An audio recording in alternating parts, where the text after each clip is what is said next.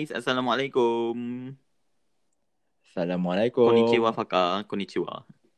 Ohayo gozaimasu. Konnichiwa. Ya, akhirnya kita telah berjaya meneruskan recording kita ya. Ya, yeah, berkali-kali. Berkali-kali berapa kali dah aku rasa minggu ni try. Hari minggu lepas banyak dugaan minggu yes, ni minggu banyak. lepas dah try lepas tu dengar balik rasa pelik. Lepas tu tak puas hati. Kita Ikut ikut lain. Lepas tu belah kau pula rasa pelik. Salah sebut ni Hongkong Nanti kena bash lepas tu sebagai sebagai langkah persediaan kita buat record baru. Betul? Lepas tu kau punya mic pula Oh, tak itulah function. tiba- Tiba tiba-tiba hilang, tiba-tiba tengah-tengah record, tiba-tiba hilang pula. Hai, tak apalah. Tiba aku cakap seorang. tak apalah kita teruskan. Okay, so Alhamdulillah. Ini kali lah Yes, Kamal. Ini kali lah. Okay, korang korang tengah mendengar empat dinding. Uh, ini adalah macam recording ataupun sesi sembang-sembang santai di antara kita orang. Uh, which is aku, aku Betul. Kamal. Dan aku Zulfaqar. Dan kami, dan ini adalah recording kedua untuk episod kedua kita. Pom pom pom pom. Yes. Tepuk di tepi. Dengar tak? Dengar tak? Lepas tu uh, aku dengar. Dengar-dengar sayup-sayup kat tepi tu. So before kita teruskan ke apa yang kita nak sembang hari ni kan. So Faka, Mhm. apa kata kita? Apa kata kita pula? Kita mulakan dengan kau dulu. Cuba kau sum up sikit. How's your week? Okay tak? Ke KO ke? Ke macam mana?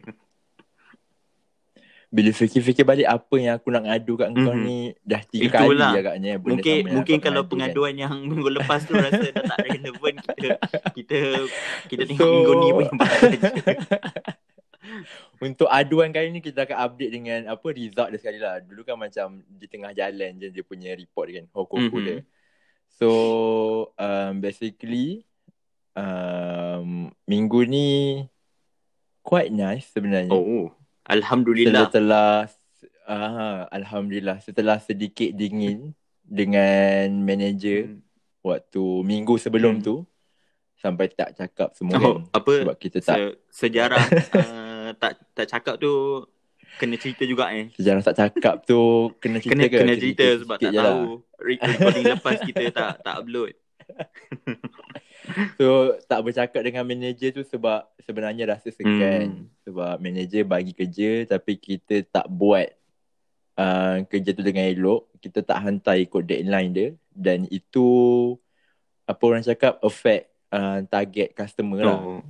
So bila dia mengganggu target production so benda tu orang cakap bagi uh, impression buruk lah dekat manager. So macam rasa segan nak cakap dengan dia kan. So ambil keputusan untuk menjauhkan diri. So kebetulan Ya. pula waktu minggu tu memang waktu tu ming, uh, apa memang kerja tak perlukan duduk kat office sangat. So memang tak bercakap langsung lah kan dengan manager kecuali waktu bila perlu Oh, je. ni ni aku tak tak pernah lagi Tak- tanya kau. Kau punya apa orang cakap nature of work maknanya whole day tu tak dimestikan duduk dekat office kau je. Tak semestinya. Kadang-kadang aku punya Hmm. kerja tu aku masuk pukul 8 and then kita ada morning briefing kan. Kita ada apa cakap-cakap dengan group. Lepas tu aku akan masuk ke dalam game bar. Aku akan masuk dalam production line dan aku akan duduk kat situ sampai aku balik. Oh. Kadang-kadang macam tu. Berdasar Ada berdasarkan berapa? juga yang aku dalam kat dua office. minggu, dua minggu bukan dua minggu dalam dua tahun ni berapa Ha. persen kau akan tak duduk office Oh ni macam survey yang diorang buat itu aku punya skill kerja. Ah ni ala-ala ni lah macam evaluation kau punya Percentage yeah, evaluation tanya. kau punya performance dalam 2 tahun ni. Aku rasa kan, aku rasa 55% aku duduk dalam production Eh, line. Menarik juga. Aku, aku kena duduk kat office Hmm. je kot. Oh sebab ni kot kita punya Ah. kerja pun lain. Kerja pun lain kan. Kau kau rasanya more tu mengadap Hmm, laptop betul dan komputer kan. Hmm, Hmm, betul kan. Kau kan Eh, design. aku, aku aku proses aku engineering. dah terni pula, terpotong pula. Kau teruskan kau punya cerita. tak apa tak apa. Lepas tu um, bila dah tak bercakap dengan Hmm. manager tu minggu um, minggu ni kan. Minggu ni yes. Dah start dah start boleh cakap balik. Dah hilang dah rasa awkward tu sebab maybe dia pun dah tak dingin macam dulu. Maybe dia pun dah macam lupa sikit-sikit. Dan aku pun macam maybe dah lupa juga sebab aku pun jenis senang lupa juga benda-benda macam ni. Taklah ingat sampai Hmm. bila kan. Lepas tu dah makin okey semua. So kerja pun okey. Boleh apa? Siap um, on time semua. So Bo- alhamdulillah. boleh lah teruskan hidup macam biasa sekarang. Hmm. Betul. Tapi yang kalau aku nak share satu cerita best yang aku dapat waktu kerja Hmm. minggu ni. Uh, so aku kan pergi solat Jumaat kan. So waktu aku pergi solat Jumaat tu, waktu aku balik ke office Hmm. balik, aku punya waktu kerja tak cukup lah kan. Oh yes, okay. Um, faham. Uh, sebab termasuk apa waktu untuk aku kembali ke office tu. So bila tak cukup aku nak Hmm. ganti. So aku cakap aku nak ganti hari Jumaat tu. Lepas tu senpai aku cakap okey. Tapi dia cakap awak tak payah nak ganti pun tak apa. Awak boleh bawa ke minggu depan.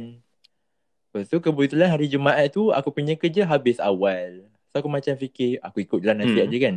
Aku buat minggu depan lah overtime tu. Adakah terjadi Oh, okey okey teruskan. Lepas tu bila bila bawa aku balik on Oh, time, okay. senpai Hmm. tanya aku kan, bukan cakap nak overtime ke tadi? Lepas aku macam, Ah, tapi awak yang Icata, cakap yang ya. tak payah tang, tak payah over tak payah overtime pun tak apa, so aku balik lah. so, and then waktu tu uh, sebab waktu aku cakap aku nak balik tu aku cakap dengan manager aku dengan senpai Hmm. aku, dengan senior aku. Aku nak balik on time ni tapi ada guna sikit je uh, Zanggyo overtime. Oh. Aku guna dalam 4 minit. Cadang nak buat 30 minit overtime kan. Lepas tu ah, Empat inilah reaction manager empat aku dia minit pun dikira Zanggyo ke? 4 minit pun dia Zanggyo. Inilah reaction manager aku dia gelak. Dia cakap dia gelak-gelakkan sebab Dia jam cakap 4 aku ni. minit je itu pun kau nak claim. Dia. 4 minit lepas tu tadi cakap nak Zanggyo tak Zanggyo. Sudah Dia lah. tu, aku macam tu kan. Okay, so So bila dah gelak dah boleh gelak aku cakap oh kita dah oh, normal balik. Aku dah, itulah aku mas, dah maksud kau dah situa- tu. situasinya dah tak awkward dah. dah kembali normal lah. Boleh terus Alhamdulillah. Engkau pula macam mana? hidup kau? macam biasa. Oh, aku. Hmm. Hmm. Kita Hmm. Before ni kan macam sebelum ni kita punya recording aku cerita pasal uh, schedule kerja yang tak menentu tu kan. Uh, Ah. nak nak dipendekkan cerita alhamdulillah kerja tu minggu ni macam berjalan secara lancar lah tapi seriously waktu waktu minggu ni awal-awal start masya-Allah aku serius aku macam stres gila aku rasa semua benda nak jadi waktu hari Isnin tu Lepas tu biasa bila bila kita macam dalam kepala kita dah kena buat kerja lain kan. Tiba-tiba dalam Ah. hari Isnin tu pula dapat info-info baru. macam company aku rupanya macam third year kena buat ni, kena buat rombong juga tau. Kena buat rombong. Yes. Rombong. Yes, thesis. thesis. Kena buat thesis juga uh, for third year. Siapa yang dah jadi third year wajib Aha. kena buat satu thesis. Rasanya ni macam aku tanya member orang cakap semua company ada tapi company kau tak ada yang kau cakap itu. Setakat ni tak dengar lagi dah aku tak dengar. So so disebabkan ada apa macam kena tulis tesis tu juga. So adalah benda lain kena prepare juga. Aku dah macam Mhm, ya Allah Betul betul. apakah dugaan dan cabaran yang perlu diberikan lagi ni cik tak adalah tak adalah macam tu dan at the same time uh, budak-budak kalau dah jadi second year dengan third year ni pun kalau tempat kita orang kena jadi cikgu tau kena jadi sensei dekat budak first year Oh. budak first year. So kena ajar lah macam pasal JIS. Tahu kan JIS? Eh, apa eh Japan standard punya tu lah macam tu. Pasal yang Boruto. Japan International Standard Time tiba. Oh itu apa? Eh JIS yang juga tu. eh, Japan International Bukan itu Standard. JST Ah, lah, ke? Aku pernah dengar. aku Japan pernah dengar. Standard Time kalau Ap- JST. One time. Yang JIS ni yang ni lah yang untuk production macam engineering ke apa kan. Pernah Hmm. nampak, pernah nampak Ah, logo dia. JIS tu lah kan. Kena, kena lah ajar pasal tu. Mhm. Pasal ajar pasal basic-basic engineering semua tu kan. Itu pun itu pun Oh. sebagai seorang yang aku tak berapa hadam sangat pun benda tu.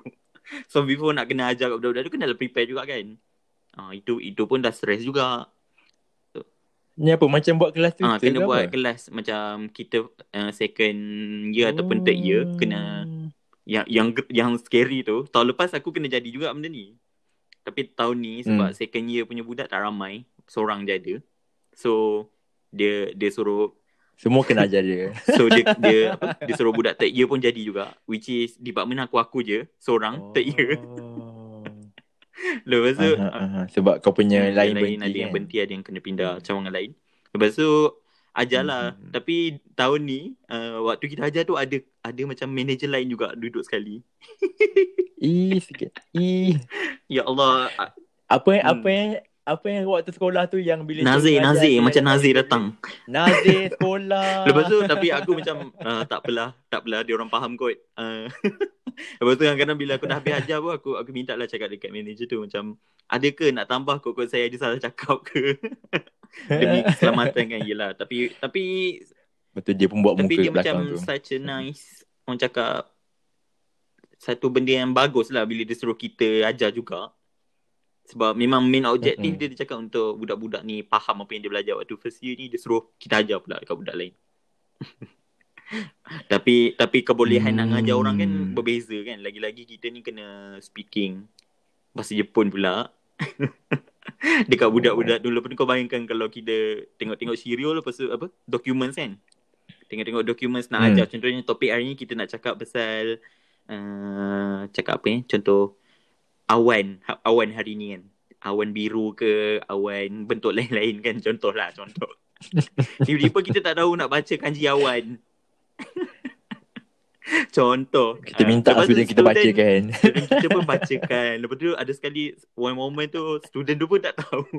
So aku macam alhamdulillah nasib baiklah orang Jepun pun tak tahu juga kanji ni. So kita macam kita teruskan hidup lah. Tapi so far uh, setelah seminggu ni compare dengan hari Isnin, hari hari Jumaat tu aku rasa boleh bernafas lah. Alhamdulillah. Alhamdulillah aku rasa sangat bersyukur. Tapi kita kena teruskan hidup. Uish, sorry bunyi apa tu? Jangan seronok seronok sangat. Nanti hari Nanti aku rasa biasa macam tu lah. Ha. Aku aku dah buat dah evaluation macam ni tau. Biasanya kalau Ha. aku seronok hari hari Jumaat eh, hari Isnin tu mesti ada jadi something. ini ini berapa kali tau bukan Kita kena bersederhana sekali, kan dua kali aku rasa dekat berkali-kali lah tak apalah kita kena bersederhana lah dalam hidup ni. So sila abaikan Yeah. yeah. kelak tahu aku tadi. sila abaikan. So tapi insyaAllah kita teruskan. Okay. Kita kita habis Yes. sesi sesi apa kita panggil sesi apa tadi? Mengenang seminggu. Reviews. Hmm. Mengenang seminggu. So, How's your How's your week? week? Itulah i- sesi pertama. So kita teruskan kepada uh, orang cakap segmen. Segmen atau sesi yang kedua ni uh, sempena episod pertama telah berjaya di-upload. Alhamdulillah. Tepuk-tepuk. Hmm. Dengar ke walaupun saya tajuk sikit. Uh, oh, bunyi apa tu? Hmm. Eh, Semangat. ASMR. Okay. Uh, ber- berdasarkan ASMR. episod pertama yang telah berjaya kita upload uh, last week.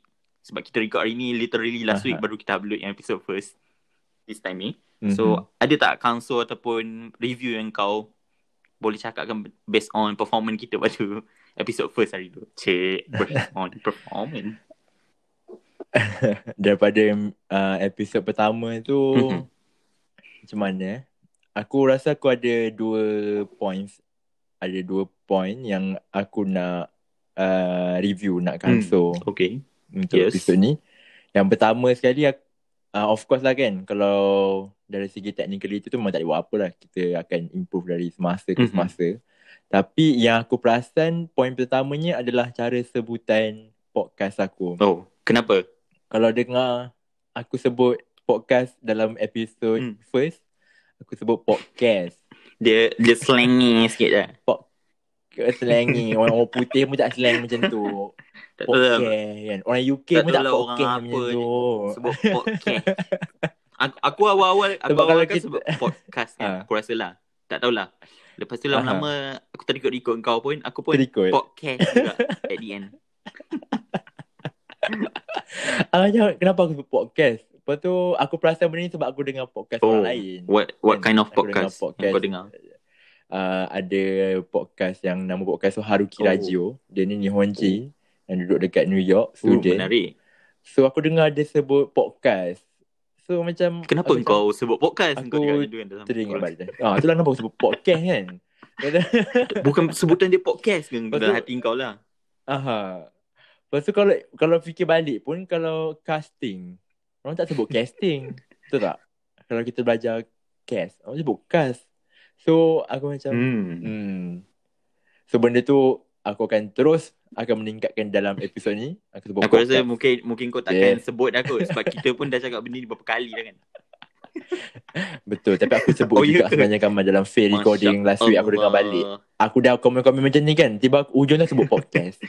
Ini orang cakap So bila dah sebut podcast. terbiasa one time ni susah nak Dah biasa. susah kita nak ubah ya tabiat tu. Hmm, betul. Hmm. Selain tu ada lagi Yang kedua aku rasa dari segi articulation, aku kot articulation. ataupun dari segi sebutan. Apa sebutan apa itu? Kejelasan.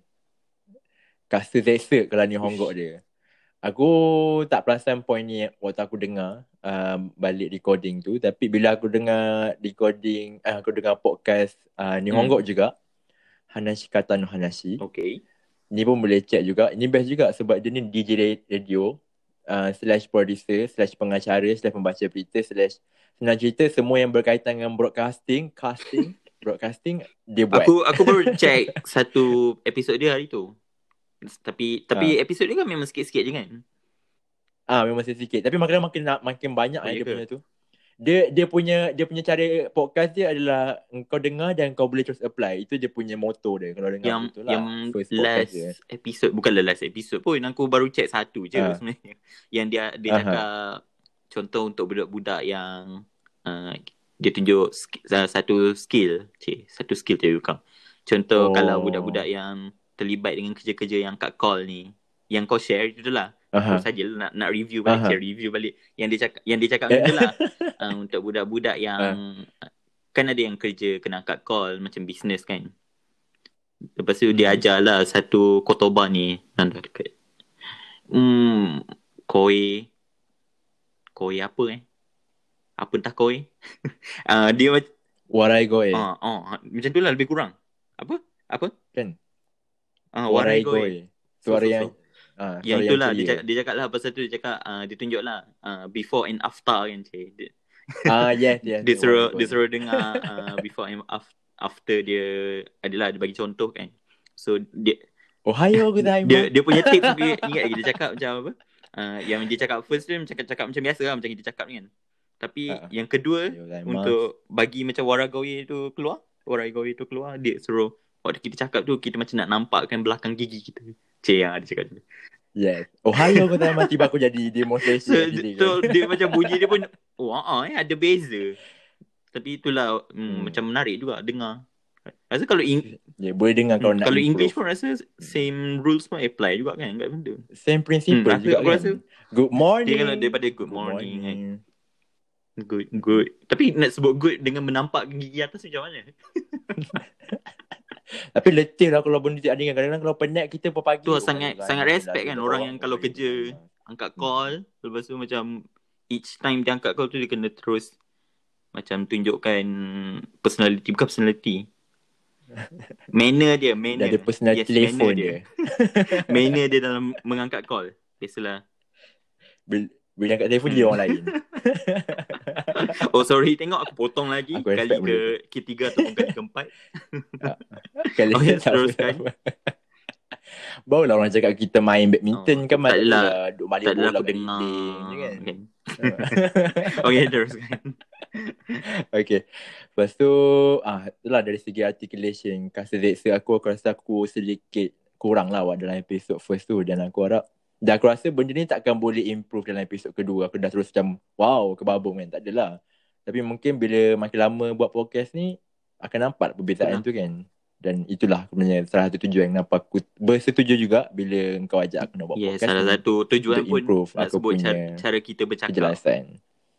Hmm, Sebab bila betul. dulu tanpa kita sedar cara kita sebut tu, uh, ni bagi aku lah. Kadang-kadang bila aku cakap tu aku rasa aku cakap berterabur.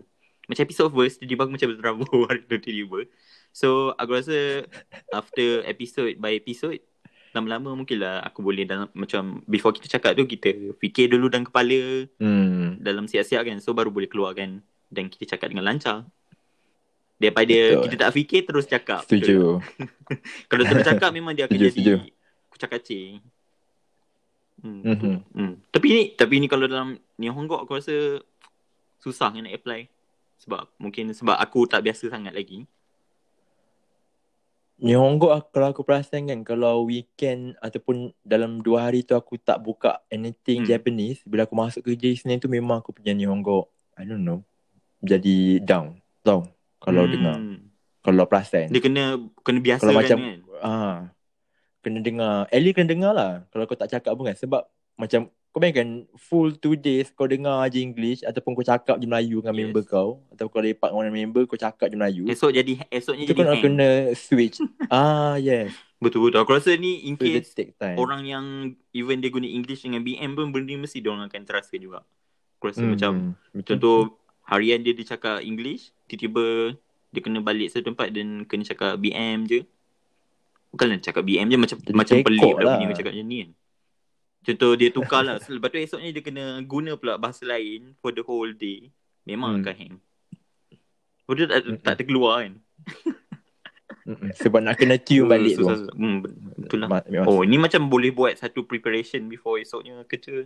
Dengar dulu dalam 10 minit. Cik, at least 10 Uh-uh. minit. eh Okay kau pula Oh, aku. Kamal? Apakah Aku punya kau? review eh. episod kita Berdasarkan episod satu yang baru.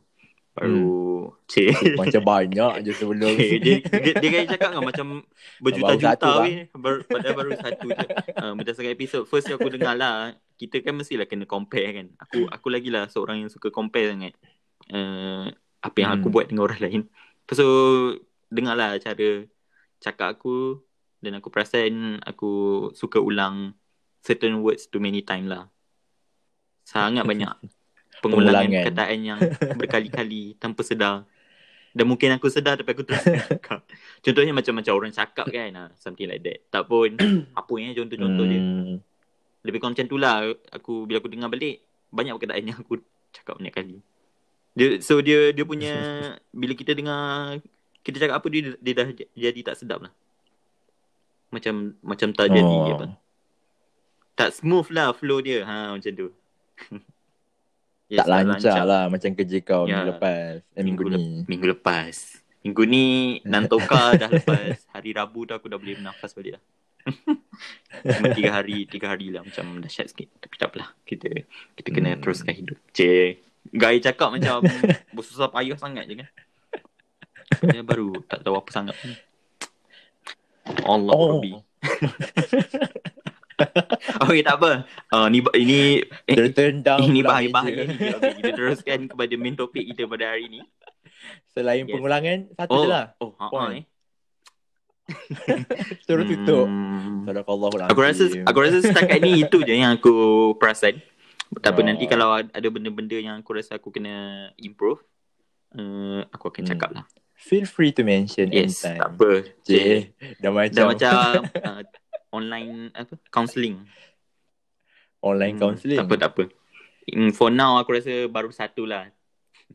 Cik tak ada. Hmm. Aku rasa banyak lagi tapi aku rasa sekarang aku nak cakap pasal satu je. Okay, kita terus, teruskan kepada main topik kita pada hari ni.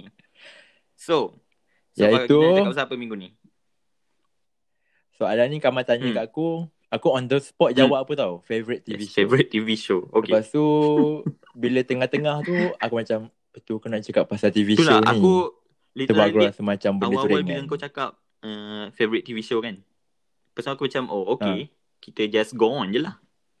Lepas tu, lepas tu tiba-tiba dalam middle of week tu macam hari hari apa? Hari Rabu kan? ah? Rabu, Tak Khamis ingat hari tu. Rabu. Tu tiba-tiba Hmm. kau macam Kamal kau nak cakap ke pasal benda ni kau cakap macam tu kan. Lepas tu aku macam aku macam ha. kenapa pula? What's wrong? Apa masalah dia? Seb- Sebab waktu tu reaction kau macam tuan kuku juga kau tak, macam kan manusia ni? ni kan kadang-kadang certain days malas nak respon. kita kena faham dia tu. So aku macam engkau dah bagi tajuk macam oh okey lah kita teruskan lah macam macam not bad pun boleh juga cakap pasal benda ni. hmm. Jadi macam middle of week kau Hmm. macam oh ada benda lain tak? Macam kau cakap macam tu kan. Kau macam hmm, okey ke nak cakap tajuk ni? Lepas aku macam kenapa pula? Oh, kenapa reason kau tiba-tiba macam nak beralih arah? Cik, beralih arah. Sebab waktu tu Aku Hmm.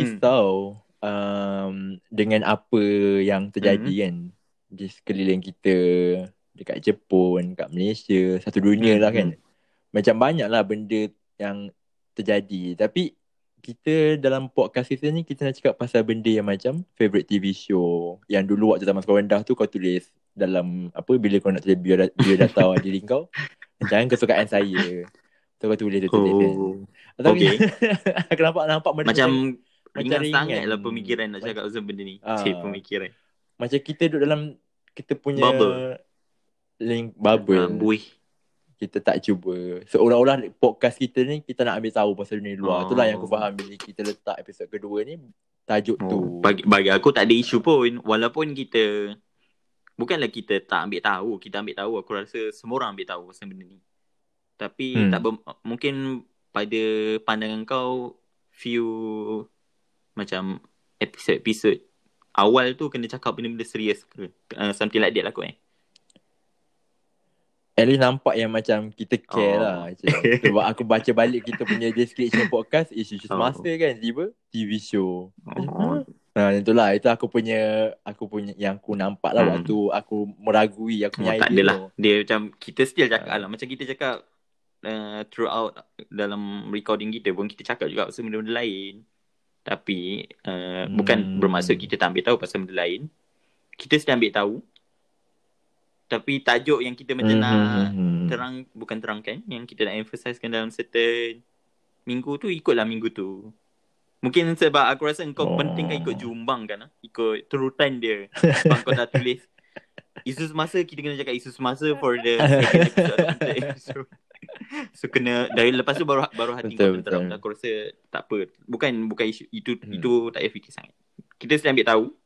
Tapi kita teruskan dengan Hmm. favorite show something like that for this week. So yang aku faham maksud kau bila tak semestinya bila kita tak cakap pasal sesuatu perkara tu tak semestinya kita tak ambil Yes. tahu kan. Kita, Kita ambil ambil, ambil tahu. kita tengok Tak. berita Hmm. juga kita dan before kita nak sampaikan sesuatu isu tu kepada orang lain pun Hmm. kita kena buat Hmm. research tak kisah ini bukan pasal Hmm. recording ataupun semata-mata apa benda sekalipun in case engkau nak cakap dengan someone pun hatta engkau Hmm. nak cerita benda-benda something dekat kawan kau pun mestilah cerita tu kena ada uh, base ataupun kena ada sumber yang solid kan daripada Mhm, benda mhm, yang kita tak begitu mahir lepas tu kita nak cakap pasal benda tu dan Hmm. benda tu kat orang lain tak ke nanti mungkin lah mungkin benda yang salah kita cakap kat orang lain ha something like that.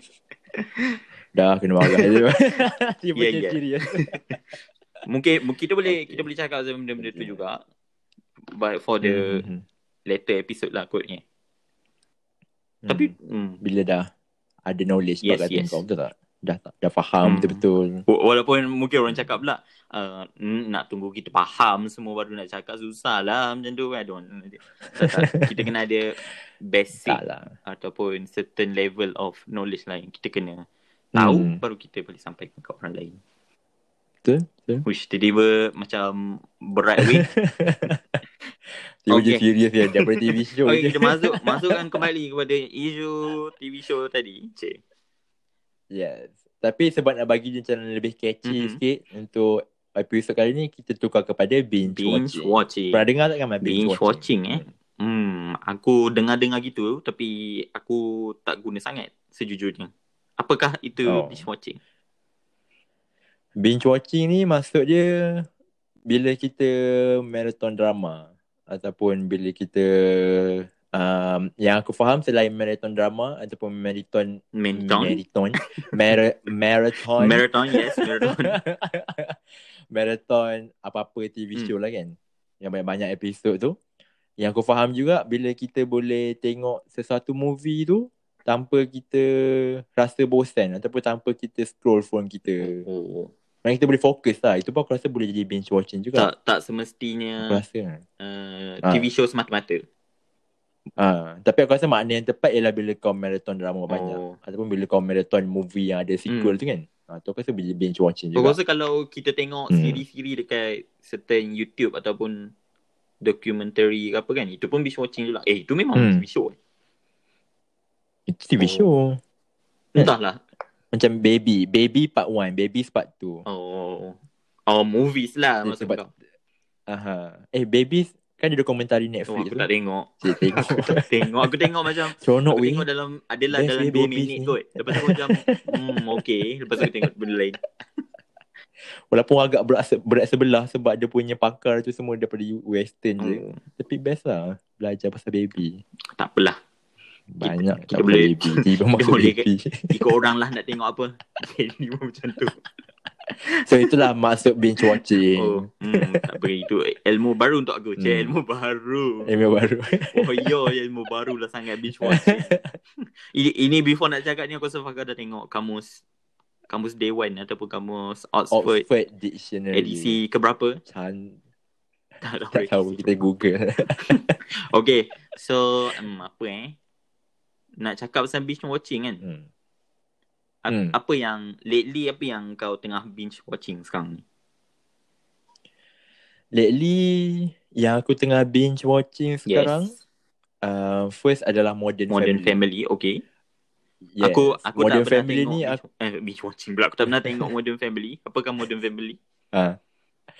Modern Family ni basically dia drama bukan drama dia komedi dia sitcom. Aman dia tak ada air mata pun macam tu. Dia sitcom komedi yang pasal apa satu keluarga ni yang ada dia bukan setakat keluarga kecil je. Ada keluarga apa orang cakap keluarga yang besar juga. Ada bapak mentua dia then ada beradik dia Sanak kan.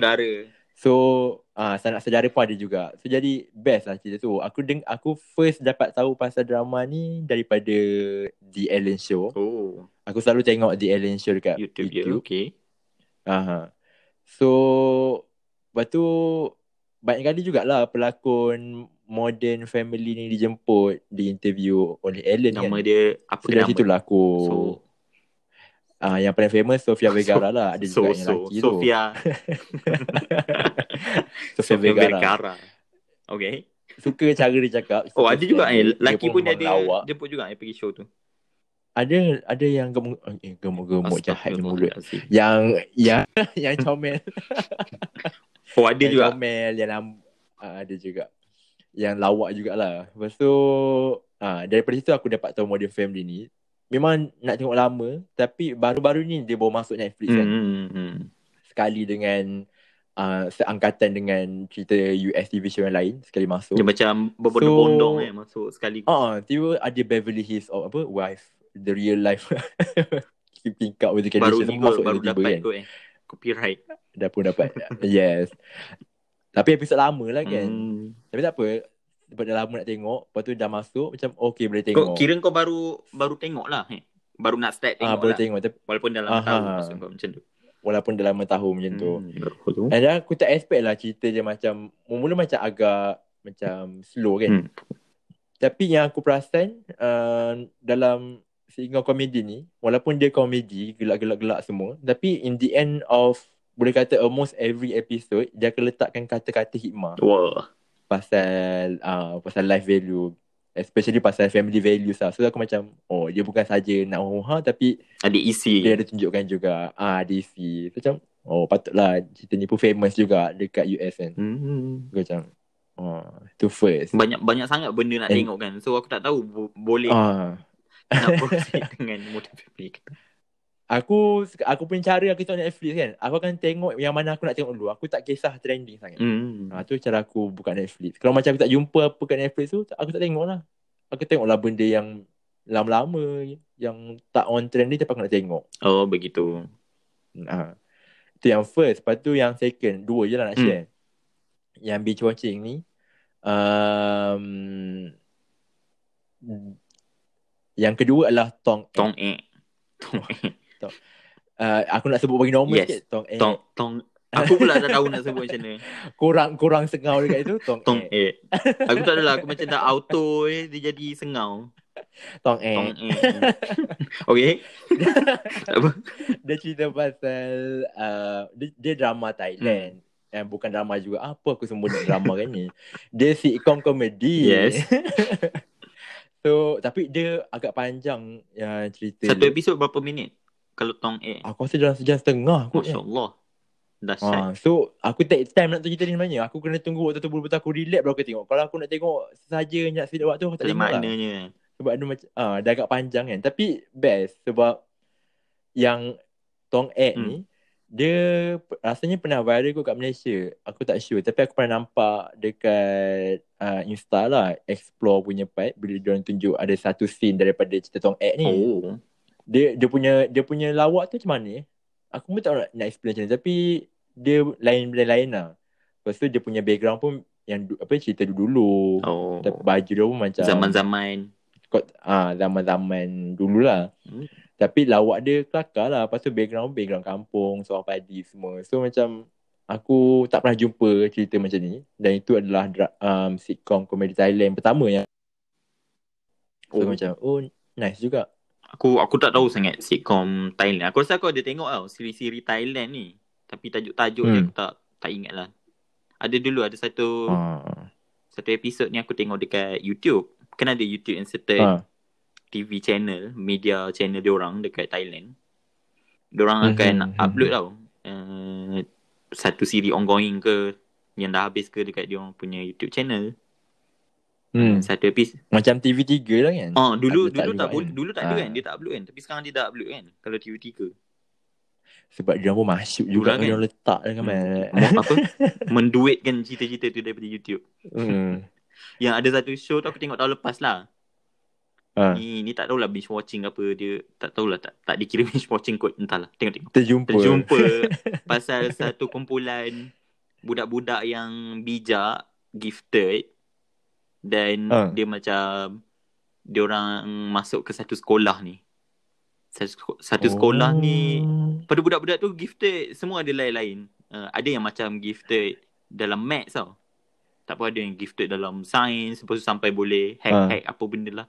Semua benda lepas tu sampai ada ada yang uh, budak yang kembar kan. Kembar lepas tu bila kembar Oh. kepala dia orang macam connected somehow macam tu lah connected lepas tu ada adalah macam menyelesaikan masalah pula semua kan. lepas tu menarik pula aku tengok dalam habis cerita tu aku tengok weh. Oh, yang mana cakap kau sebuah jalan pun Oh, habis. tak tahulah mu- awal-awal aku macam hmm apa cerita ni. Tapi lama-lama aku rasa kalau kau tengok pun oh not bad. Boleh lah, boleh lah. Hmm. Itulah dua cerita yang aku binge watching sekarang. Yang tengah ongoing.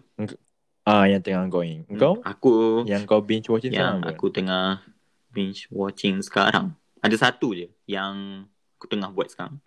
Uh, hmm. Dia Hmm. punya aku baru tengok pun last two weeks kan. Waktu tu aku macam tak tahu Mhm. nak tengok cerita apa. Lepas tu Ha. biasalah after balik kerja kita balik buka Netflix lepas tu scroll lah.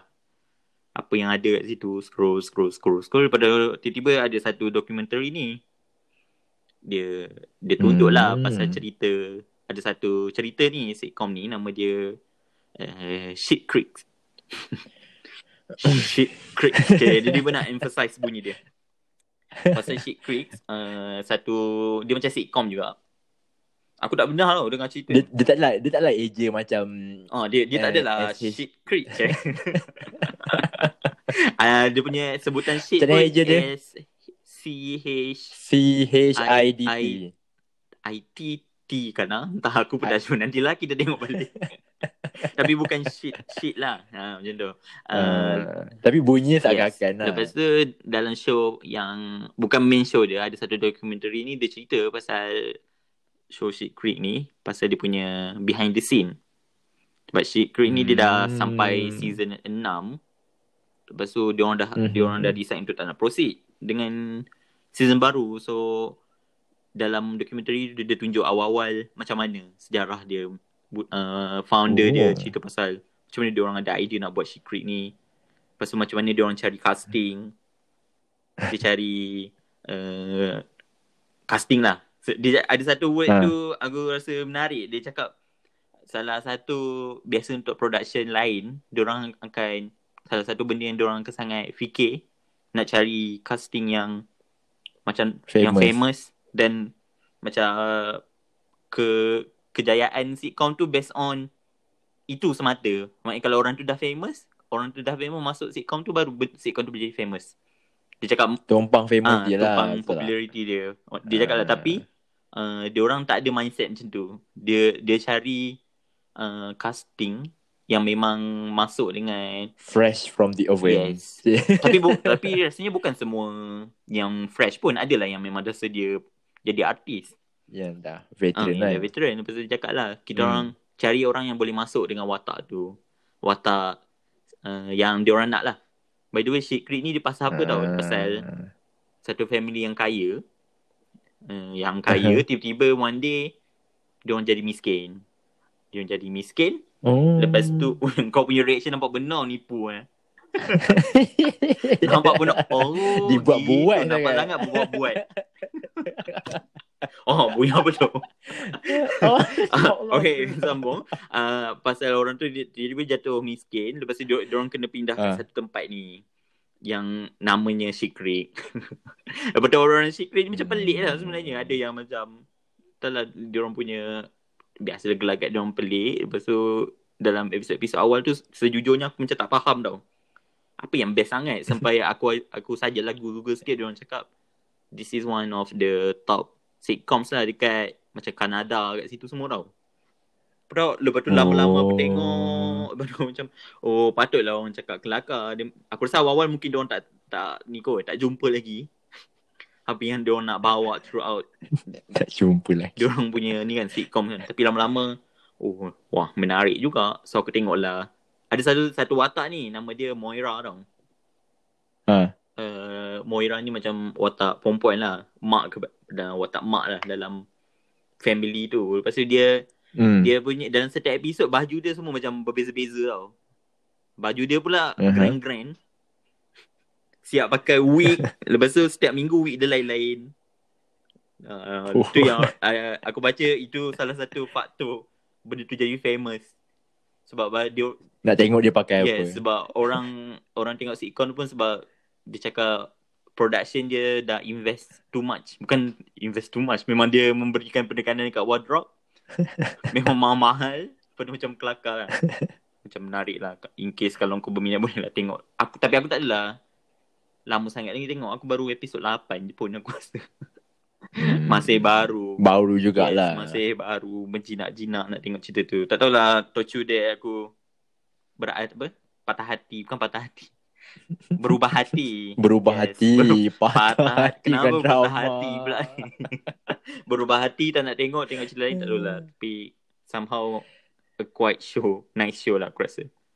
Eh, tapi kau boleh macam tu eh. Kalau macam kau dah start tengok, kau rasa macam, eh tak habis dah kau boleh stop tengah jalan macam tu je. Yes. Pernah. Macam before ni kau ada Hmm. cerita. Oh ni mungkin kau boleh cerita next ni. Elok kan. Kau ada Shokai. Hmm. Kau ada tunjuk kat aku pasal Grace Anatomy kan. Pasal aku ada lah Ha. try tengok. Tapi aku tak tengok dari season 1 lah. Aku Aha. macam terus tengok ke season yang entahlah yang aku buka waktu tu. Yang kau yes, jumpa. yang aku jumpa dan aku terus tengok je lah. Lepas tu boleh je macam tiba-tiba macam seminggu tu aku tengok. Lepas tu macam aku rasa boring lah dengan cerita hospital-hospital ni aku tutup. Lepas aku tengok cerita lain. Eh, kalau macam aku kan, kalau aku dah tertengok cerita tu, Hmm. contoh macam, kita bagi contoh 13 Reason Why Hmm. kan. Kan first episode memang, memang, memang power lah kan cerita tu Hmm. kan. Lepas tu makin, makin dia panjang tu makin dah ke mana dia Macam merepek-repek. Aha. Tapi sebab aku dah tengok, Oh. aku tengok juga. oh. Kau kena macam tu eh. Sekarang dah habis, aku dah habis. Aku kalau torture tu aku rasa macam cerita ni dah merepek dah ni. Macam dah membazir masa aku je. Aku macam aku akan stop. Banyak Orang habis kan tengok. macam banyak lagi banyak lagi benda lain aku nak buat daripada ini macam kewajipan pula. Oh. Cik, kewajipan. Tak, aku tak rasa lah kewajipan. Aku rasa macam habit kau kan. Hmm. Oh, Macam tadi kau cakap pasal Grace Anatomy kan. yang Engkau lah yang Ha. shokai kat aku. Kenapa kau minat sangat cerita tu? Oh, kalau Grey's Anatomy tu aku rasa dia masuk kategori lain dah. Kalau Grey's Anatomy ni Oh, bukan bukan Ah. kategori sama juga. Lain tu. bukan Sebab kan soalan pertama kau kan binge watching yang sekarang tengah tengok. Oh, Grey's Anatomy dah lama dah lama dah habis alright. tengok. Okay. Tapi uh, Bri- Grey's Anatomy ni adalah all time favourite lah yang aku pernah binge watch sebelum ni. Tak tahu kenapa aku suka tengok. Aku start jumpa waktu dia waktu aku tengok time sekolah rendah kot ke sekolah menengah. Sekolah rendah rasanya kat TV7 kan dia mula keluar TV7. Hmm. Okay. Tapi sebab kat TV7 dia duk ulang episod sama kan. Tapi aku tak pernah berhenti fikir pasal TV show Ter, tu. ter, teringat-ingat. Teringat-ingat lepas tu bila dah dah kerja semua uh, terjumpa mula terjumpa dekat Netflix. Lepas tu waktu tu Netflix tak tunjuk episod full tau. oh. Maksudnya tak tunjuk full season yang siapa aku nak tengok. Okay. Pasal aku terjumpa ada diletak dekat hulu. Kau tahu tak aku punya minat ceritanya aku sanggup langgar hulu waktu tu. Just for the shit. Untuk kau For the habiskan shit. for the shade. For the sake. Untuk kau habiskan season tu. Untuk aku habiskan season tu, aku tukar. Aku sanggup dalam at certain point tu aku tak buka dah Netflix. aku ingat lagi. Aku tengok je hulu sebab nak tengok cerita Grey's Anatomy tu. Masya Allah. Ha. Aku suka tengok sebab aku rasa sebab aku minat kot. Oh. drama-drama dekat hospital ni. Lepas tu walaupun aku tak suka darah, tapi aku suka tengok dia punya realnya bila dorong scene kerat-kerat semua tu. Se- Sesuatu yang perlu difikirkan dengan mendalam ya. Title Aha. Kenapa? Dan juga dulu aku tak fikir sangat, Hmm. tapi sekarang especially bila ada part apa mati semua tu kan. Hmm. Aku macam aku terfikir Aku dalam satu momen tu aku ikut sama sedih bila tengok ada pesakit yang yang family nak nangis semua kan. Aku ikut ikut sekali sedih sebab aku macam fikir oh mati tu bila-bila boleh datang kan. Sebab ada budak mati dalam cerita tu, ada orang tu mati. Insaf aku dengar tiba-tiba. Ah insaf kan. Walaupun cerita tu tak islamik. Walaupun tak Islamik. Ya Allah cerita tu teruk lepas lepas mati tu boleh buat dia buat benda lain tapi poinnya Engkau ingat mati lah engkau tengok cerita tu. Yeah. So, kita ambil yang positif. Yang negatif tu Ambil yang positif. simpan sendiri je lah. Ha, tapi satu benda juga yang aku perasan bila lama tengok cerita tu, Hmm. waktu awal aku tengok tu kan, aku pernah lah tengok sambil makan. Oh. Aku memula macam waktu makan tu aku boleh berhenti tau sebab tengah scene potong-potong orang kan. Potong-potong orang. Tengah scene operation. Potong-potong orang. operation. macam dah macam Such a apa je. good way to Tengok describe operation kan. Tapi bila dah makin lama tengok tu, satu momen tu aku boleh sambil makan aku tengok. So, tu aku macam agak scary dengan diri aku sebab aku rasa macam kau boleh sambil makan kau tengok dia duk apa buka kepala orang kerat perut orang kan untuk operate. Walaupun benda tak real tapi kita anggap benda tu real lah. Ni, ni sebab Macam, kau dah biasa tengok. tu biasa tengok agaknya Mungkin mungkin sama kita boleh apply kat konsep kerja. Cik. Oh. Cik tiba-tiba nak mengaitkan dengan semua benda kan. Tiba-tiba kan. Agak Benda lah. yang kau tak biasa, dalam lama kau biasa. Lepas tu kau dah mula, oh ini je.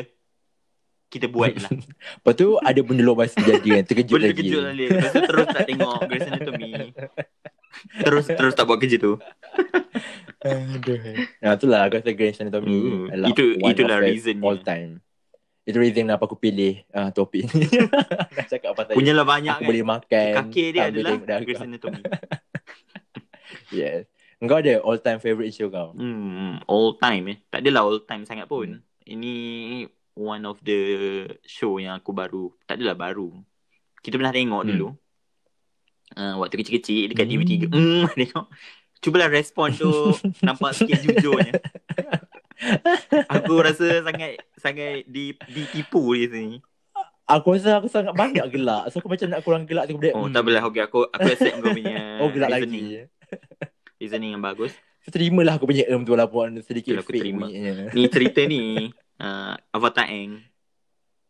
Avatar Oh. Eng. Alah kan awal-awal bulan 3 eh bulan 3 ke bulan 4 kan dia tiba-tiba jadi letup balik Hmm. sebab buat uh, baru masuk kat Netflix.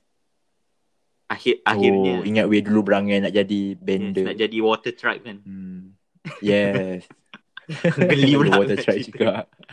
kan tapi tapi dulu seingat aku lah, seingat aku dulu kan kecil-kecil kita tengok dekat TV3. Uh, pasal Ha. aku tak tahu lah dia orang tayang semua epi apa semua chapter. Tapi dalam memori aku aku rasa dia dia tayang chapter 1 je. chapter yang aku ingat kalau ada iklan tu mesti iklan yang Hmm. Hmm. uh, tak apalah aku terima kau punya reaction. Uh, tak ini ini ini fikir.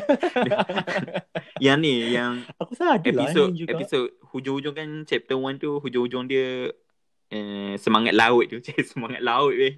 Semangat gila aku translate. Semangat laut dengan semangat bulan dia cik, melawan Fire Nation. Dia Kan. Aku ingat Kenapa aku lost? Aku dah tak tengok aku. okay, sama kita. scene tu je yang aku ingat yang yang akan dia masuk kat iklan.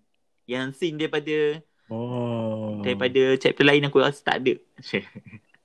Dan aku pun tengok lah balik uh, daripada season 1 sampai season 3 tu sampai Aang jadi, Aang Hmm, men- hmm, jadi yang menang kan. So wah, Lawan Fire Fire Lord. Lord. Apa? Uh, Lord. Aku Fire ingat, aku ingat nama anak Fire dia. Apa eh? nama ayah dia. anak dia Zuko kan. Fire Lord. Anak dia Fire Lord apa, Zuko, weh? Azula, Zula. Lantak. Dia tu je Fire. Ya, aku tak berhati weh. Fire apa weh? Aku baru aku Tak baru apa. tengok itu tak, tapi aku tak boleh keluar kan. apa ni Kamal? Disgraceful. Disgraceful weh. Apa yang Fire Lord apa tu? Aku ingat muka dia. Pak Cik Airo. Apa nama abang dia? Fire Lord. Apa Fire nak- Lord. Sudahlah Kamal let go lah. Okay, tak apa nanti mungkin tengah-tengah torture dia aku aku oh, tengok torture dia aku dah bercakap berapa kali dah ni. Tiba-tiba tengah-tengah aku Oh. teringat kan. Aku teringat nama bapak dia aku akan cakap. Cik nama bapak dia. So aku tengok lah cerita tu lepas tu sangat kagum lah dengan dia punya story. Kamal aku dah jumpa. Apa? Lord Ozai. Lord Ozai. Mesti kau Google kan? Google. Tak apa, tak apa. Itu salah Apa satu. guna komputer depan mata? Lord Ozai. Yes, Lord Ozai. Tengoklah lepas tu macam dahsyatnya dia orang punya script writer ataupun story punya production kan. Macam manalah dia duk fikir benda-benda ni. Hmm. Cik, tiba-tiba tiba-tiba dengki dengan orang Nampak dia lah kepala kan. Kau benci orang tu Kamal Yes. Nama pun kau tak ingat Yes. sangat Ingat jahat dia sangat dahsyat ya kau punya nak, nak tarik daripada kelupaan aku. Cik, keluar. Tapi aku pernah baca juga Orang Orang apa Orang komen lah Hmm. Yang baik lah Orang komen cerita tu Dia cakap Apa um, Avatar ni Adalah Satu Maybe one One of a kind kot ya Yang boleh Apa orang cakap Satu TV show Ataupun satu Kartun tu Yang Create its own universe Hmm. So bila Bila-bila pun dia tayang Dia still relevant Uh, hmm. bunyi dahsyat. Hmm. Sangat serius pada pakai pasal Kartun je tapi, tapi tapi best lah aku Ah. macam sangat evergreen lah orang tu punya cerita sampai Respect macam lah yang kau cakap tadi tu. lah uh, dalam tak kisah umur bila pun ataupun tahun bila pun cerita tu still boleh diterima Uh-uh. Dia tak nampak macam Eh ni macam lama je Tak nampak macam tu kan Kalau ada kartun-kartun tu Kita macam tengok Macam SpongeBob Aku rasa dia macam lama Tak nampak dia ni kok ada market apa target audience dia dan Avatar ni dia punya target audience dia bukan budak-budak je sampai bapak budak pun Yang boleh join pun sekali boleh kan tengok Mhm. Bapak budak pun tengok. Lepas tu dia orang cakap aku nak try lah nak tengok yang seterusnya pula kan Avatar Korra tapi Avatar Korra tak Korra. masuk Netflix. Sebab aku rasa copyright dia still dekat ni juga. Aku Google-Google tau. Aku gigih ni nak Ha. cari juga Ush. kat mana aku nak tengok Korra. aku dengar yelah dah ada hype kan. Kita nak tengok lah juga. Lepas tu rupanya macam cerita tu still ada dekat satu satu apa dekat dan apa aku nak cakap ni Dekat Amazon platform Prime. lain yang Hmm. dia macam ada connection dengan Hulu tau so aku macam oh ni kalau kita oh. kalau kita try uh, daftar Hulu boleh lah try tengok. Cik dalam hati lah kan. Lepas aku try lah. Kalau hulu je pun tayang. Yes itulah masalahnya. Lepas aku Hmm. google lah Hulu Jepun. Tak tayang. Tak ada.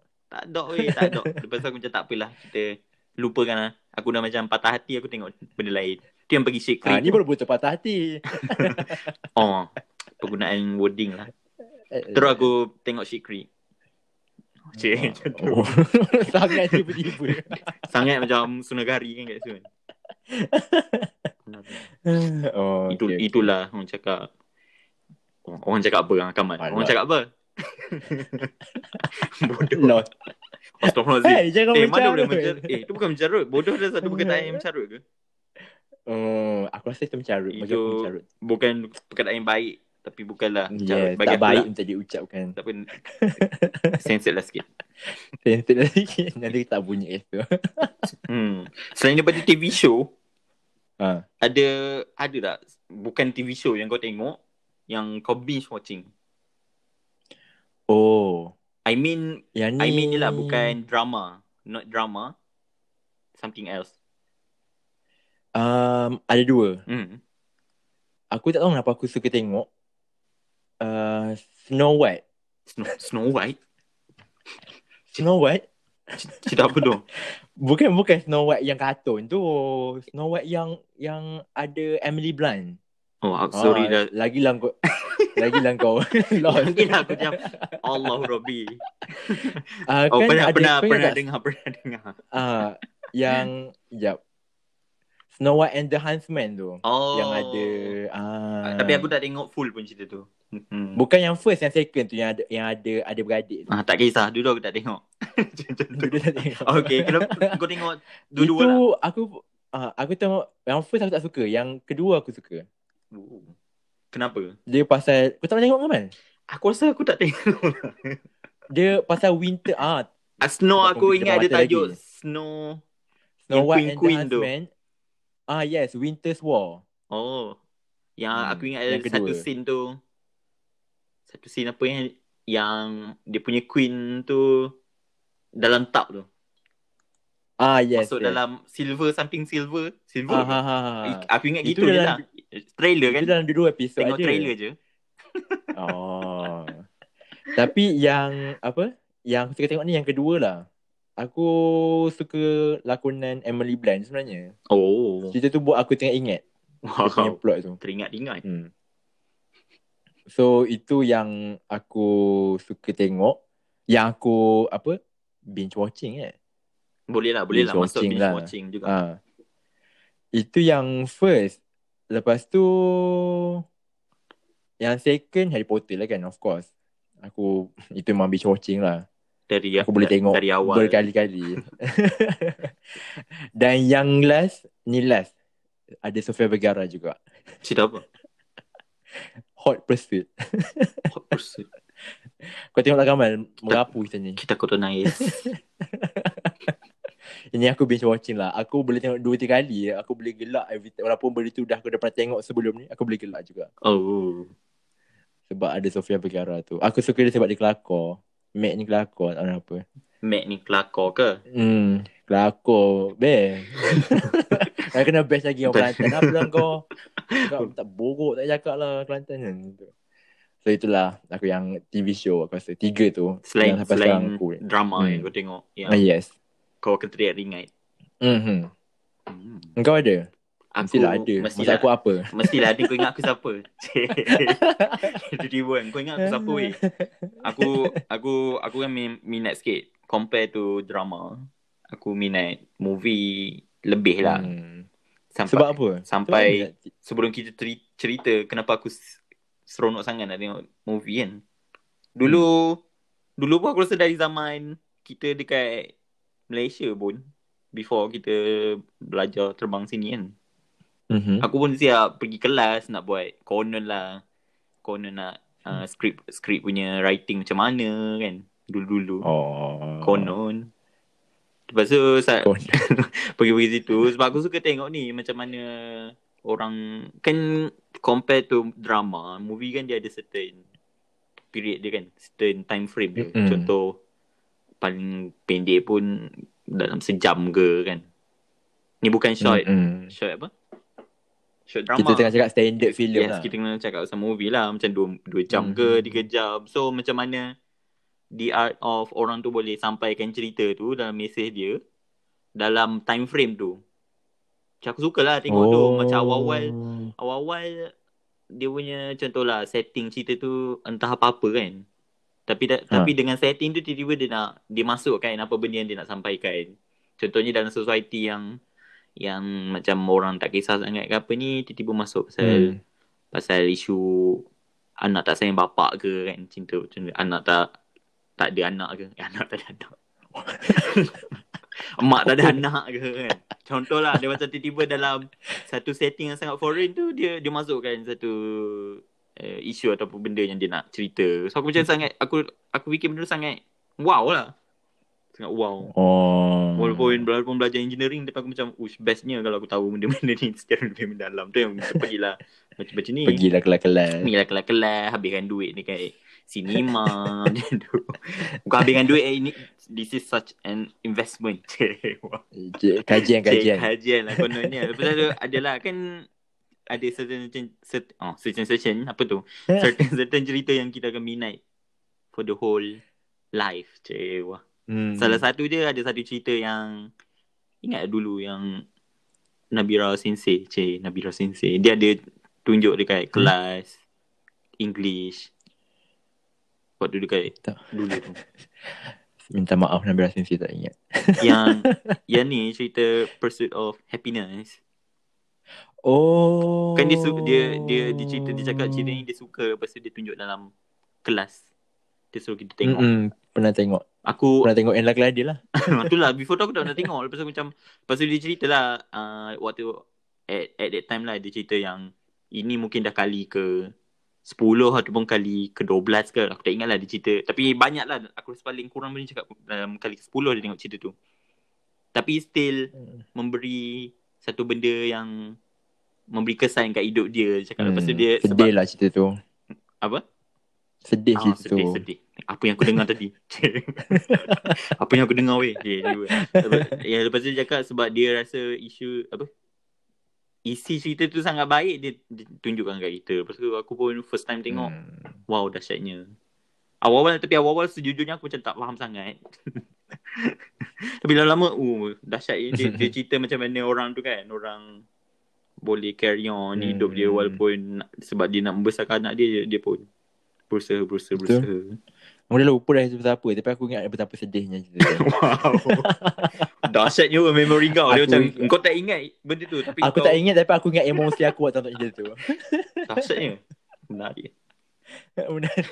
Oh, uh, by the way bukan cerita yang tu lah aku main dia. Uh, ba- baru ni Ah. aku discover ni lah. Satu cerita Yasmin Ahmad. Tajuk- tajuk- Arwah Yasmin Ahmad. Yes, Allah Yasmin Ahmad sebab ada ada satu channel dekat YouTube ni dia tayangkan cerita dia. Cerita hmm. sepet ni sebab I I don't know tak ingat. Mungkin sebab dia dapat copyright kot daripada owner sepet tu. Oh. So dia tayangkan dalam uh, YouTube, YouTube. channel tu. Yes. Terus aku pun aku kita pernah dengar nama Yasmin Ahmad ni. Serius aku rasa semua orang pernah dengar. Dengan suara Hmm. dia dekat KTM kan. Yang se- Oh. seputih, seputih yang tu. Itu suara dia. Berdasarkan bacaan aku itu suara dia. Ada orang cakap. Tak tahu lah kalau ada orang cakap sebab dia kan dulu Oh. dulu ni kan bekas Miss Malaysia. Macam TV. Ya, yeah, Miss Malaysia. Miss Malaysia. Macam TV mana? oh, dia pengacara TV ke? aku mandai je tadi. Oh. Jangan ambil dia. Tak tak salah aku lah. Itu suara dia. Lepas tu dengan career dia sebagai produk uh, producer, producer produk apa kan man? Sebagai pembuat the iklan-iklan yang best tu kan. Iklan Petronas semua tu. Terus aku tak pernah pun tengok cerita dia secara penuh. Cik, secara penuh. Lepas tu sebab ada sepet tu dekat YouTube aku pun tengok. Producer, director. Director, Director kot. producer. Director kan. Director. Lepas tu. Tapi dia punya cerita, dia pun yang tulis skrip kan. Cerita dia. oh, Aku perasan. tu aku tak tak sure sangat. Tak silap aku dia dia adalah script writer juga kat movie dia. Oh, you ke? Hmm. Bukan dia bukan sekadar di- director lah. Oh, Tak silap aku. Kalau aku tak salah. Naruhodo. Hmm. Pasal aku tengok lah cerita sepet ni. Adalah oh, Hmm. itu yang cerita yang orang cakap menaikkan dia. Yang naikkan dia. Ha. Yang orang start kenal dia. Oh kan. Lepas tu tengok lah cerita, tapi cerita tu aku macam oh that's why lah orang suka sangat dengan cara dia menceritakan sesuatu tu through her films kan. Hmm. Sampai orang dekat even dekat Jepun pun ada certain week dalam setahun tu dia orang akan buat tayangan cerita Yasmin Ha. dekat Tokyo. Dia akan tunjuk. Dalam festival filem kan? Oh aku tak, Special aku, aku tak tahu tapi pernah baca. Oh. Yang contoh sampai Sharifah Amani datang Lepas tu dia, dia pun Dia cerita pasal sejarah Cerita tu macam mana Pasal arwah Yasmin Ahmad punya Bila dia direct cerita ni macam mana Dia cerita dekat audience waktu tu Itu itu oh, yang tu aku tak tahu. Itu yang culture yang aku suka tau Dengar kalau orang Kita Kita bukan tengok movie tu semata-mata Macam nak puaskan Kita punya imagination waktu tu je Dia macam Ataupun orang cakap apa nak escape reality kan. hmm, Tengok movie. Tengok habis 2 jam habis macam tu je aku. Aku rasa itu macam ha, such a waste of time lah aku rasa. Daripada tu, daripada tengok-tengok yang semata macam tu, dia ada je cerita-cerita yang kau boleh kaitkan dengan hidup kau kan. Tak pun yang macam contoh cerita-cerita Disney kan banyak dia masukkan macam isu-isu ataupun certain themes kan untuk budak-budak ataupun Hmm. teenagers yang baru nak naik nak membesar kan. Hmm. So benda tu lah yang membuatkan kita lebih dekat dengan cerita-cerita tu. Hmm. Kau dah kau dah tengok Menarik. Sepet? Dah, aku dah tengok. So how's Aku your rasa sebab aku tengok tu lah yang aku dapat tahu dia juga yang tulis skrip. Oh ya ke? sebab aku ada tengok kredit. Oh ya ke? Aku rasa lah. So how's your feedback? Itu first time aku tengok tau cerita cerita Yasmin Ahmad ni selama ni tengok iklan dia je. Cik, siapa yang tak pernah tengok iklan dia? Mesti mesti orang akan buat throwback kan dekat Twitter Ha. pasal dia punya iklan. Jap. hmm. Tapi Sepek tu adalah cerita, filem dia yang aku tengok. First time aku tengok. Hmm. Hmm, aku boleh faham aku boleh faham apa message yang nak sampaikan dan aku boleh faham juga lah kenapa masyarakat Malaysia macam ada tapis-tapis kan scene kan. Sebab tak know apa jarang lah filmmaker nak buat scene macam tu tapi dia berani. Hmm, dia show. adalah few scenes yang aku macam oh beraninya dia Tapi, mena- tapi menarik lah cara dia fikir Hmm. something tu lepas tu dia portray benda tu. betul Padahal Tapi padahal keep- scene dia kadang-kadang aside. simple Hmm. kan. Mm-mm. Tapi bila abaikan scene-scene yang kontroversi tu, dia Hmm. punya main point tu uh, message dia tu aku macam sampai lah. Apa? Dia bawa realiti masyarakat kat Malaysia ni yang Hmm. kita sebenarnya berbilang kaum dan kita hidup dalam keadaan harmoni kan. Hmm, hmm, hmm. Ada Dan satu dia juga scene tunjuk awal-awal kan. Yang dekat Aha. pasar tu. Tu aku macam menariknya dia tengok dia tunjuk benda ni dan Betul. tapi dia rakam bila dalam movie tu rakaman dekat pasar tu tak crowded kan. Kita tengok Ah. kita tengok still rasa uh, kita still a part of the situation macam kita dekat pasar juga Mm-mm. tapi tak rasa crowded. Mm-mm. Tak tahu kenapa. Mungkin adalah dia record cara dia kan. Mm. Menarik lah. Tapi aku suka juga dalam movie tu dia tak tunjuk harmoninya masyarakat kat Malaysia tapi dia dia juga ada tunjuk um, few situation yang apa orang cakap macam tak semua indah lah kat Malaysia ni. Ada few issues yang dia cuba nak naikkan tapi dia selit sikit macam tu. Hmm, memang ada kan dia tunjuk Hmm. macam tu. Tapi dahsyat lah. Such a orang cakap Menarik standing lah. ovation. Cik, wah. Boleh faham lah kenapa orang suka tengok movie dia. Sebab kan aku tengok sepet dulu aku macam pelan-pelan nak tengok movie-movie lain juga. Yang lain. Hmm. Dulu dekat Kumamoto, ada. aku aku kan dulu belajar Kumamoto. Dekat Kumamoto. Lepas tu Ha. ada satu panggung wayang ni. Coh, panggung wayang. Pawagam. dekat main city kat situ, dia macam menayangkan cerita-cerita yang bukan apa? Not a common movie lah. Macam ni lah yang macam pergi festival punya filem macam tu. Oh, Pas- special screening. Yes, yes. Special Ke? screening macam tu. Hmm. Lepas tu dia tayang talent time. Tapi aku tak pergi lah. Oh, Aku- talent time. Yes, talent time. Talent time aku rasa aku tak tengok full. Dia dia tayang kot cerita talent time tu siap. Aku ingat lagi poster dia semua dalam in Japanese. Talent time yang aku ingat iklan um, promotion film tu bila budak lelaki tu terangkat ke langit. Oh ya, aku tak ingat langsung. Itu musim ke talent time aku tak ingat. Tapi ada scene. Budak tu tiba, diorang duduk. Hmm. Budak perempuan, lelaki duduk jauh-jauh. Tiba budak lelaki terangkat ke langit. Lepas tu lagu background Friends. Oh ya. Aku tak ingat ada musim ataupun talent time. Musim rasanya musim. yang, yang Talent time pasal yang budak-budak tu audition kat sekolah tu kan. Ah, Ada ah. cikgu Ali Bahno semua tu. itulah. So itu pun aku- hmm, rasa boleh boleh lah satu minggu satu satu movie. Tapi tu- tapi itulah nak tengok kat mana tu tak sure kan. Yang betul-betul boleh Hmm. provide itu. Yang kita kata apa yang legal lah. Itulah. Kalau boleh nak support kan. Hmm. Yang legal. Kalau kalau cerita-cerita ni masuk Netflix ke mesti best. Still Oh, dia ah. macam bagi kan Netflix pun yang sensor-sensor tu kan dia macam dia open je kan. Tapi dekat Netflix ada juga tau filem Malaysia yang masuk yang Hairul Azrim berlakon tu macam Wira dah masuk, Pascal tu dah masuk. kita Kenapa tengok. Yasmin Ahmad tak masuk? Oh. Aku baca hari tu ada certain movies kena kita yang apa orang panggil? Kita, Kita yang kita kena, yang kena Me, meminta. Cik, meminta. So kalau ada permintaan uh, dari Netflix sendiri akan akan orang cakap apa? Me, me akan meletakkan movie tu dalam dia punya streaming service dia. before dia meletakkan dia buat apa? Me Menapis. sebelum menapis me, dia pergilah dekat produk Dia pergi production dekat tu. production pemilik, tu. Pemilik movie tu dia ah, boleh tak masukkan ah, macam tu lah. Nego lah nego. Ah, nego Allah Rabbi. Allah. Teruk benarnya, Kontrak semua benda kan. Ah. Jadi copyright bla bla bla bla tu. Hmm, betul-betul.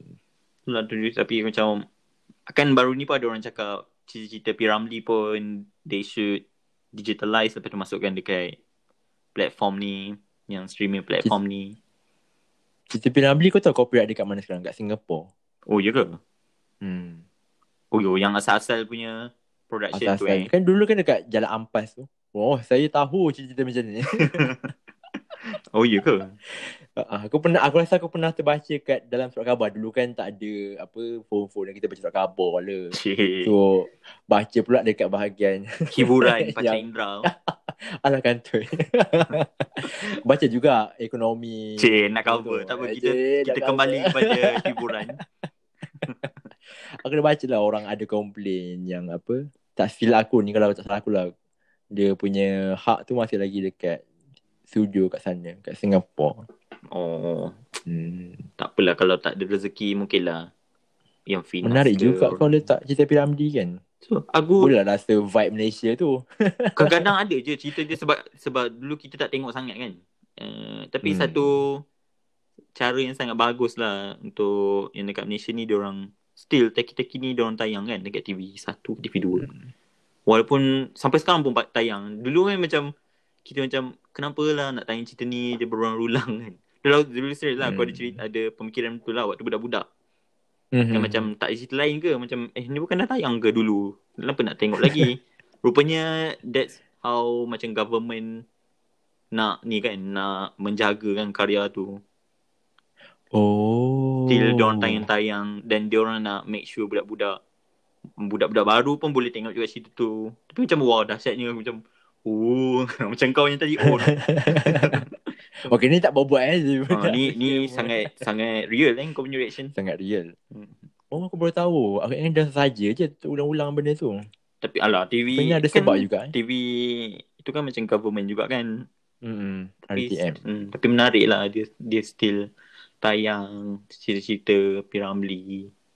Benda yang kita Hmm. boleh relate kan cerita-cerita dia. Lama-lama Hmm. lama-lama mood mood apa mood podcast yang episod yang macam lain macam lah. Jadi dia jadi uh Serius. Yo, eh kenapa jadi Sebab jadi? aku rasa macam banyak benda belajar baru aku belajar ni. Oh. Menarik weh betul, ni eh. aku aku rasa kalau kita boleh buat lah nanti episod yang ke depan-depan lah bukanlah next episode. Kita Hmm. try try, try tengok pula cerita-cerita daripada genre lain kan. Tak pun dalam short films yang dekat Malaysia ni banyak dia yang yang kalau kita tengok Oh. luar dia macam biasa je tapi isi dia wow. Sukalah Hmm, tengok betul. orang-orang yang kepala dahsyat ni. Kepala dahsyat. Respect lah orang script writer, director. Dia show. Hmm. Sebab kita pun rasanya pernah kot kan. Apa dalam peranan tu. Walaupun even sekadar buat projek untuk kelas je. Projek sekolah. Tapi ha, je sekolah. Tapi sekolah aku tak pernah buat benda tu. oh ya. Yeah. Dekat waktu preparation aku start buat benda macam tu. Sekolah aku tak buat sangat kot. Dulu Tak dulu buat rasa kat sekolah tak adalah mungkin tak ada peluang kot. Lepas tu Hmm, bila dah belajar masuk, je. Hmm, belajar je lepas tu nak pergi uh, pawagam pun ada macam tak boleh pergi kan. Macam parent aku dulu macam tu dulu cakap tak boleh, Ah. tak boleh pergi. Eh aku dulu takut je nak pergi pawagam. Aku ingat lagi. Hmm. Ha, ni dah lari cerita tapi tak apa. waktu waktu first time aku tengok wayang Ialah waktu aku masuk preparation program lah Dah aku ingat lagi Aku sangat takut dalam tu Aku macam Ya Allah Apa jadi ni Ya Allah Aku, aku rasa wayang Aku rasa- wayang pertama sebab kita pun dulu ni kan sekolah uh, macam baksama. Sekolah asrama Hmm. lah macam cakap. Sekolah asrama kan hmm. uh, dan uh, kawan-kawan dekat sekolah sama aku pun tak ada. Dia orang ada lah kot yang tengok wayang tapi tak ajar aku. Cik. Lepas tu balik lepas cuba. Lepas tu Dah Ah. sudah dah sudah cik tak adalah. Lepas tu dah balik dah habis SPM. Lepas adalah seorang kawan aku ni yang childhood friends lah. Lepas tu dia ajak tengok satu cerita dan itu adalah cerita wayang pertama aku tengok which is Karak. Oh my god cerita Karak adalah cerita pertama yang aku tengok kat wayang. Aku ingat lagi sampai sekarang. Cerita hantu yang Cerita kau tengok hantu ni, yang aku tengok. Banyak-banyak cerita kat dunia ni. Aku tak ingat siapa aku tengok. Tapi aku ingat dengan siapa aku pergi. Oh iya kan. Tapi tapi best Hmm. lah macam first experience lepas tu pergi pula dekat Pawagam kat Setiawan tu kan. Setiawan ada satu apa, je weh lepas SPM, Pawagam. ah ya, lepas SPM. Waktu tu lah waktu tu ada satu je uh, Pawagam dekat dekat Setiawan tu lepas tu bila lama-lama sikit dia orang dah bina Aeon tu kan. Adalah buat yang lain pula Hmm. yang lebih baik sikit. Aku ingat ni. Tiba-tiba jadi serius pula pengalaman-pengalaman movie ni. Serius. Kita kena serius je. Yes. Okay, Maka, how, Binge watching. how was it? How was it what? You rumuskan sikit apa yang kita dah sembang-sembang hari ni. Rumuskan. Hmm, so basically apa yang aku rasa sebenarnya nampak ringan Yes. Akhirnya kita berjaya memberatkan ia Walaupun tanpa sedar.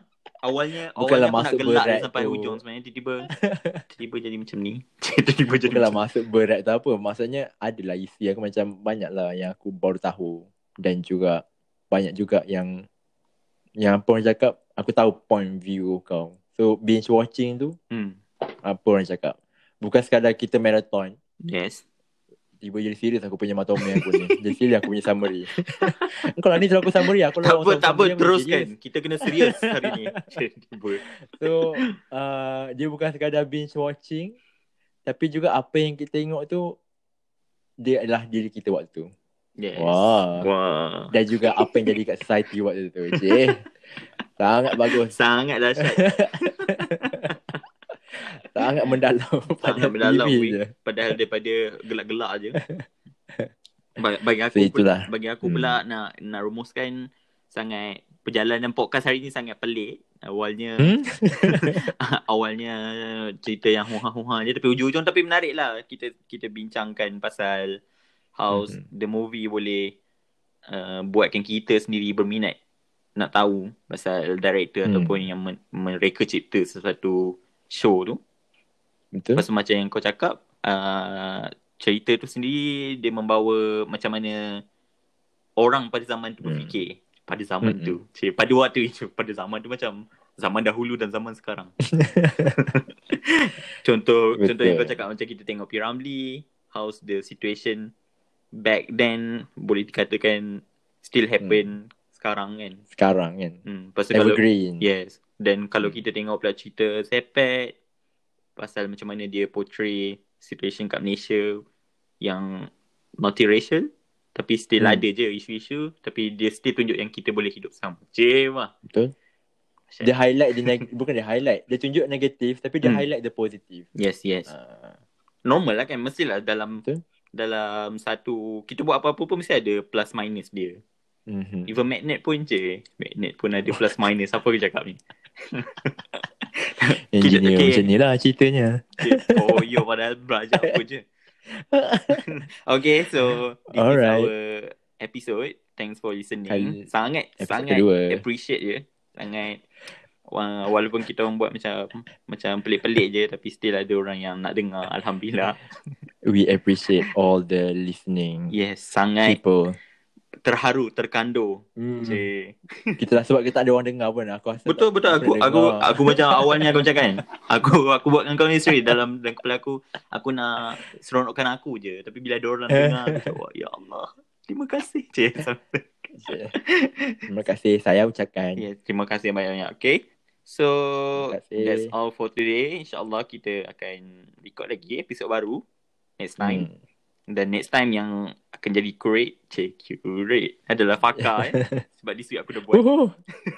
Ya Allah Sangat terima You were- kasih. You were nervous Okay, kita that's all for today. Terima kasih sebab mendengar. Lagi Bye bye. Oh, yasminasai. Assalamualaikum.